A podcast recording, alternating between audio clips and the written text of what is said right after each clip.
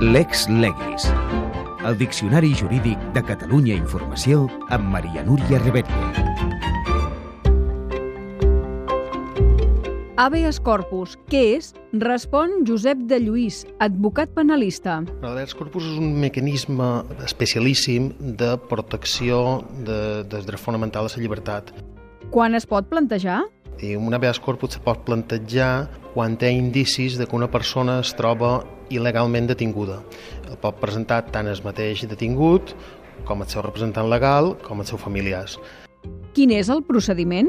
El procediment és molt senzill, vull dir, és, un, és un breu escrit indicant mm, molt lleugerament els motius pels quals se creuen que la detenció és il·legal i se pot presentar a la mateixa, en el mateix cos de policia que té la persona detinguda i el cos de policia està obligat a donar trasllat immediat en el jutjat de guàrdia.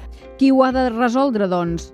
Ho ha de veure el jutjat mm, d'on es trobi detingut, per tant, en ocasions pot no, pot no saber-se on està detingut, per tant, el darrer domicili allà on se l'hagi localitzat a la persona que està detinguda.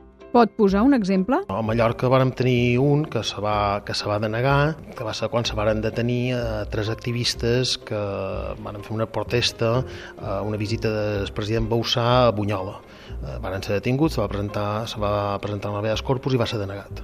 L'habeas corpus es pot recórrer? Bueno, si no se tramita, que hi ha un recurs d'empara en el Tribunal Constitucional.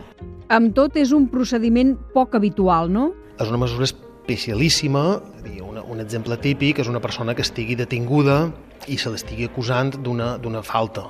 Les faltes no, no se pot detenir a ningú si no és perquè és presumpte autor d'un delicte.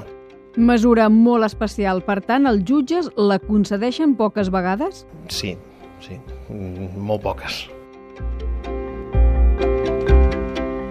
En resum, l'habeas corpus és una mesura molt excepcional que només es pot demanar al jutge instructor quan es considera que la detenció d'aquella persona és il·legal, no s'ajusta a dret. Es va introduir a la Constitució espanyola el 1845.